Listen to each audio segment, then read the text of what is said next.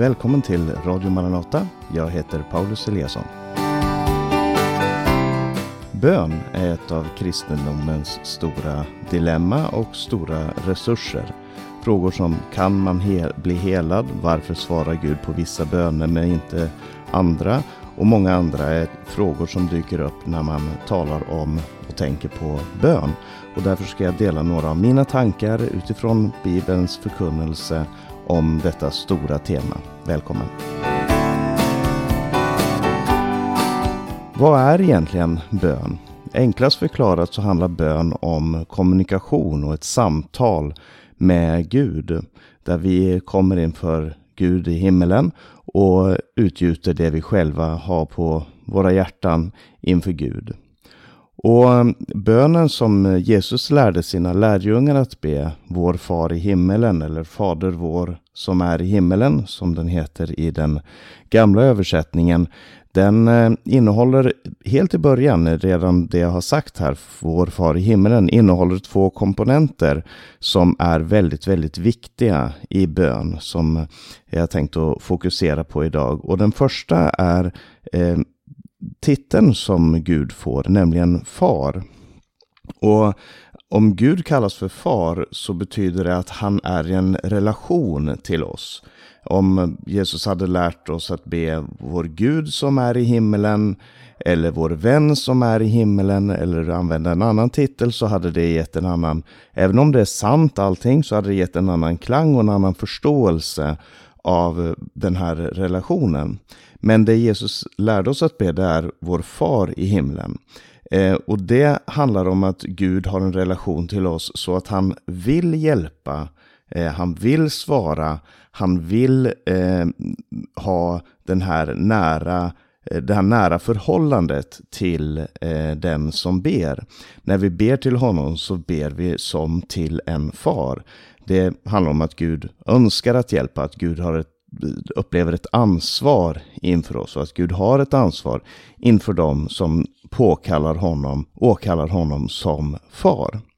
Det andra som sägs i texten är att han är i himmelen. Och det är en beskrivning av Guds position i, eller rättare sagt utanför skapelsen.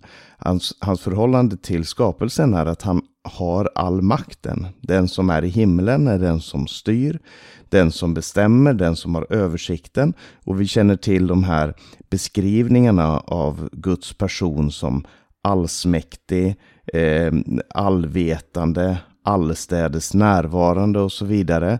Eh, och alla de här sakerna betyder att Gud kan hjälpa.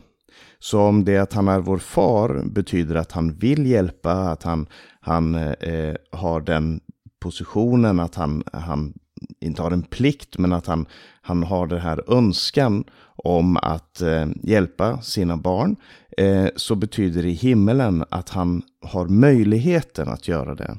Det finns många människor som har makt, men som varken har skyldighet eller önskan om att hjälpa. Å andra sidan finns det många som kanske skulle vilja hjälpa, men som inte har eh, möjlighet till det. Och det, det, kan vara svårt att förhålla sig till dessa två momenten i bön, men det är nyckeln till att förstå väldigt mycket av vad bön handlar om. Guds allsmakt och Guds barmhärtighet. Eh, det, det, skapar ett dilemma, ibland så kallas det för eutryfro-dilemmat. Det som eh, handlar om om Gud kan eh, göra gott, om Gud kan hjälpa men inte vill, så, så är han inte god. Om Gud vill hjälpa men inte kan, så är han, eh, så är han inte alls mäktig. Om han kan och vill, varför är det då så mycket ondska i världen? Och om man varken kan eller vill, eh, Eh, varför ska vi överhuvudtaget kalla honom Gud? Varför ska vi underkasta honom oss honom? Då är han ond. Eh, men men de, att de här två sakerna går hand i hand, att Gud är allsmäktig och att han också är barmhärtig, eh, men att han också är en person. Det är väldigt viktigt. Vår far i himmelen, eh, helgat vare ditt namn. Gud är en person. Men vi ska ta några frågor omkring bön och Ehm, eh, beröra dem här. Och den första frågan det är varför ska man be om Gud redan vet allt? Det ska vi tala om nu.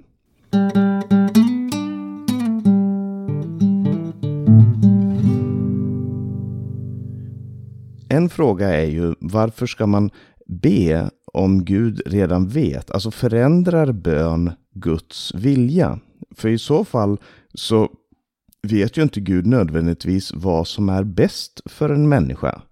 Så om, om, han har tänkt att göra A och sen så kommer vi och ber om en sak och så säger han ja men då gör jag B istället. Eh, då verkar det som att Gud förändrar meningen, att han får information eller att han lyckas övertalas om att göra, eh, göra det andra. Och i så fall så vet ju inte Gud vad som är bäst, alternativt så väljer han att inte göra det som är bäst. Och det låter oförsvarligt när man talar om Gud. Och å andra sidan om bön inte förändrar eh, Guds vilja, alltså Gud kommer göra det Gud kommer göra oavsett, eh, då verkar det som att bön är onödig. Ehm, och det här är inte ett, en fråga som, som är obekant för Bibelns författare och all, inte heller för Jesus. Jesus sa det så här, eh, han, han, när han undervisar om bön och säger att ni ska inte hålla på och upprepa er, bara säga en massa ord för, som hedningarna gör. Eh, och så säger han, för er far, han vet vad ni behöver innan ni ber honom om det, i Matteus 6.8. Men om nu Gud vet vad vi behöver innan vi ber om det, varför ska vi be om det? Det, det, är en klassisk fråga, sån där som jag tror alla kristna har ställt sig och som säkert alla ateister har ställt sig när de har hört talas om bön. Ja, men vadå, varför ska, varför ska man be till Gud om Gud redan vet? Men tänk så här, kanske bön inte handlar om att ge Gud information eller att förändra hans vilja. Vi kan inte informera Gud om mer än det han redan vet och vi kan inte förändra det han önskar att göra. Men relationen mellan en förälder och den förälderns barn växer genom kommunikation, genom samtal. Och om det är den relationen som Gud önskar, inte, inte transaktionen där vi ber och så får vi, där vi gör någonting och så förändrar Gud sin plan så att, och, och där vi ger bön som en, som en betalning för någonting och får tillbaka bönesvar som en transaktion, utan om det handlar om en relation och en kommunikation, så så eh, ger bön mycket mer mening. Precis som en förälder som, som får höra ifrån sitt barn om hur det har gått på skolan och kanske de redan visste hur det har gått på skolan. Eller eh, en förälder som, där barn kommer springande in och har skadat sig, skrapat upp knät och föräldern vet att ja, det där är inte så farligt. Eh, men ändå så lyssnar man på, man eh, önskar att ha den här närheten till sitt barn. Och en förälder som blir väldigt glad för att ens barn kommer och faktiskt ber om den här hjälpen, vet var man ska hämta sin hjälp. Eh, det, det är en eh, det, det är den relationen som Gud vill ha till oss när vi kommer till honom i bön. Att vi utgjuter allt som är på vårt hjärta, att vi lägger fram alla våra önskningar. Men till syvende och sist så accepterar vi också att allt det här ligger i Guds händer. Och bön handlar inte framförallt om att förändra Guds vilja, men den handlar om att förändra oss. Och det ska jag komma tillbaka till lite senare. Men nu ska vi tala om en annan fråga.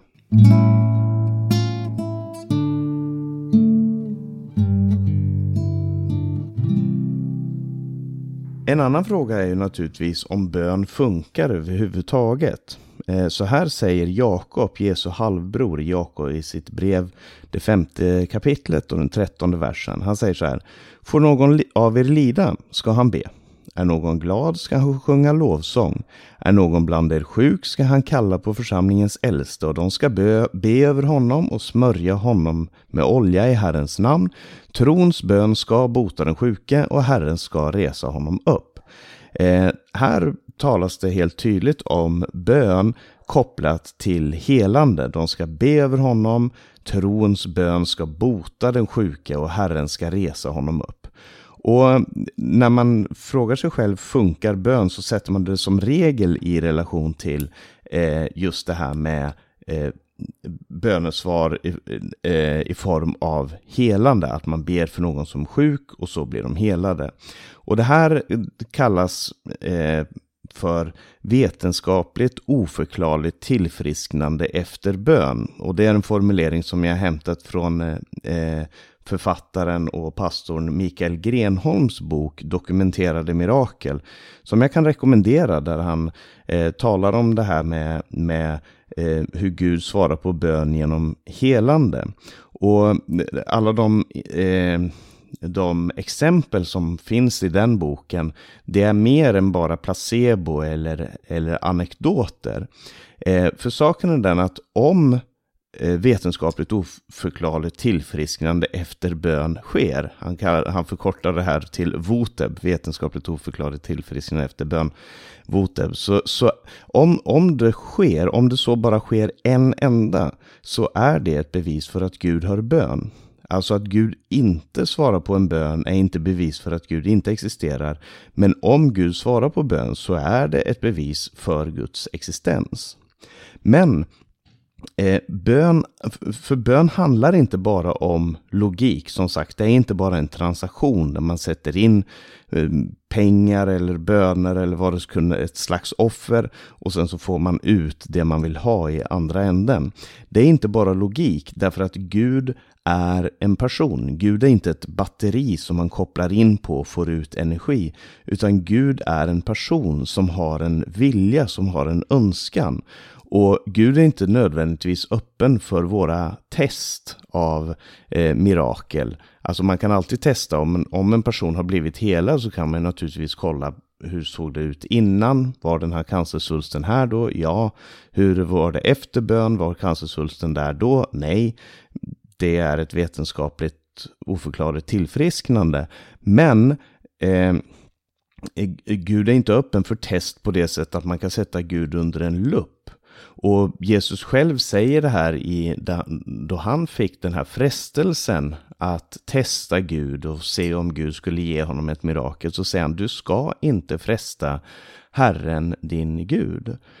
Och det, det därför så eh, det här helandet som människor får uppleva, det är ett vittnesbörd, men det är framförallt ett vittnesbörd för den personen i den situationen. Jag har haft ett er, en erfarenhet personligen av helande, en väldigt speciell händelse. Eh, och jag har inte varit mycket sjuk i mitt liv. Jag har inte varit eh, i många situationer där jag ens har behövt helande. Saker och ting har löst sig av sig själv. Och det är jag väldigt tacksam till Gud för. Det är också eh, ett bönesvar naturligtvis.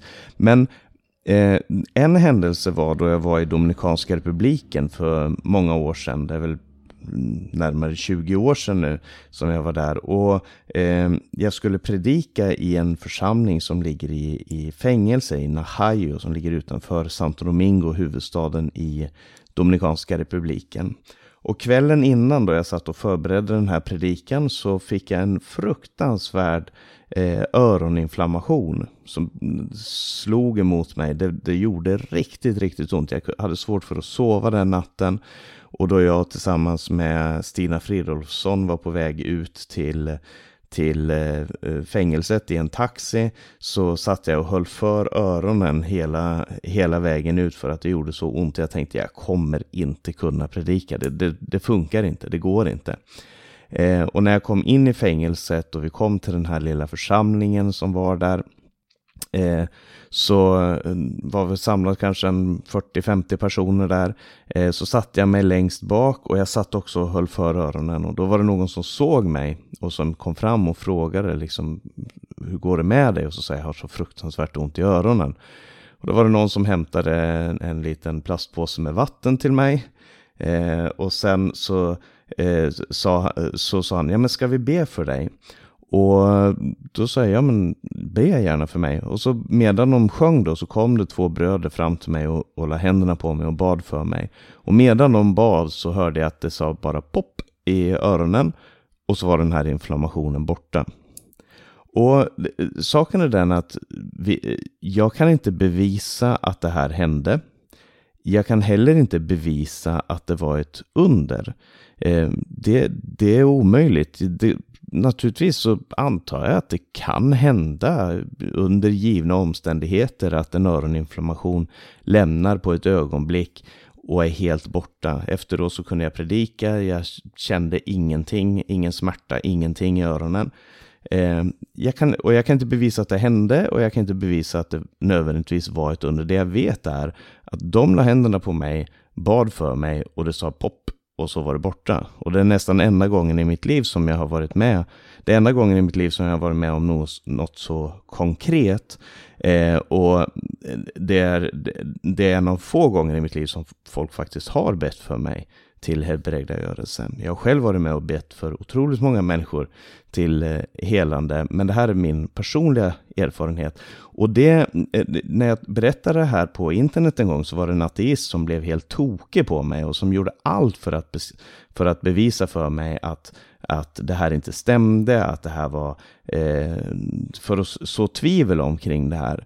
Men det är ett av många vittnesbörd i mitt liv om Guds omsorg för mig. Och, den här, och bön har stärkt mitt förhållande till Gud. Så bön funkar absolut, om man med funkar menar att det stärker en, en troendes förhållande till sin Gud.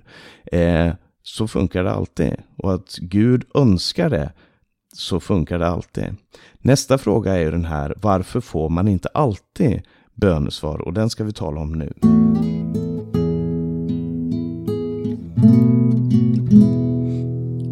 I Lukas kapitel 11 och vers 10 så säger Jesus så här. För var och en som ber, han får. Och den som söker, han finner. Och för den som bultar ska dörren öppnas. Det står i Lukas kapitel 11 och vers 10. Och det verkar väldigt enkelt. Du ber, du får, du söker, du finner, du bultar och dörren öppnas. Eh, och det verkar som att på, på ytan så kan man ha en naiv inställning till det här och säga att ja, det, så enkelt är det. Du ber och så får du. Eh, eller så kan man ha en cynisk inställning till det här som är, ja, jag har bett många gånger men jag har inte fått. Eh, eller så kan man se att det Jesus undervisar om, det Jesus talar om, är någonting djupare än det som verkar på eh, det verkar på ytan. Det handlar inte om att Jesus säger att ja, alla böner som en människa har kommer man att få svar på. Men det vi kan konstatera är att den som söker han finner och det är den som ber som får och det är för den som bultar som dörren öppnas. Och utan bön så stänger vi den dörren som Gud önskar att arbeta igenom. För bön är det sätt som Gud önskar att eh, eh, kommunicera och, och, och, arbeta med människor. För det andra så finns det ett bönesvar som är nej. Det finns tre sorters bönesvar. Det är ja, nej eller vänta. Och Gud ger sitt bönesvar så som han menar det är bäst. Och det är därför vi ber i Fader vår, ske din vilja, så som i himlen så och på jorden. Och vi måste förhålla oss till att Gud är vis och att han är oändligt mycket visare än det vi är. Ehm, den kristne författaren, teologen, förkunnaren eh, C.S. Lewis han eh, skrev en gång om sin egen hund och sa att hans hund förstod inte varför han själv satt och skrev en bok. Han kunde inte förstå konceptet bok eller skriva eller varför eh, C.S. Lewis då satt vid det här skrivbordet. Men han sa, men min hund, han, han har några få intressen. Han vill äta, han vill gå promenader, eh, han vill skälla på grannen och så vidare. Eh, jag känner igen det för jag har en liknande hund. Och Eh, men, alltså, men hans hund slog sig till ro med att C.S. Lewis visste vad han sysslade med. Så han, eh, medan eh, Lewis satt och skrev, så gick han hunden bort och la sig i ett hörn och väntade på att han skulle bli färdig med det han höll på med. Även om han inte kunde förstå det, så litade han på sin ägare. Och du kanske tycker att det är oförskämt eller kränkande att tala på det sättet för att eh, vi är inte några hundar, vi är inga djur och, och, en människa som ber i sin nöd över ett barn som är cancersjukt eller en, en eh, person som ber för helbrägdagörelse eller för en hopplös situation, en kvinna som ber att hennes man ska sluta slå henne, vad den handlar om, så verkar det som att ja, men det är en jättestor skillnad mellan mellan den här hunden som du pratar om och de här människorna som far otroligt illa. Men vi måste också förstå att det finns en enorm skillnad mellan vår kunskap och Guds kunskap. Och det finns en enorm skillnad mellan vad, eh, vårt perspektiv och Guds perspektiv på saker och ting. Eh, och dessutom så i Jesu död och uppståndelse, i hans död på korset, så uppenbarar Gud för hela skapelsen eh, var han själv befinner sig mitt i allt lidande. Allt lidande i världen lös, blir inte nödvändigtvis löst genom att alla människor ber och att vi ber om att eh, bli befriade ifrån den, utan lidandet i världen, säger Bibeln, det har Gud tagit på sig i Jesus Kristus då han dog för våra synder, då han dog för våra sjukdomar. Det är sättet som Gud har hanterat all världens lidande och sorg på. Att han tog eh, våldet på sig. Han tog straffet på sig. Han, tog, han bar all människans ondska på sig själv. Eh, och därför så är det så otroligt viktigt att när man ber så kommer man också fram inför Golgata, den plats som Gud har utvalt. Och det, det är eh, en väldigt viktig del av bönen. Och det finns en sak till som jag skulle vilja tala om innan vi avslutar här. Och det handlar om att be illa eller väl.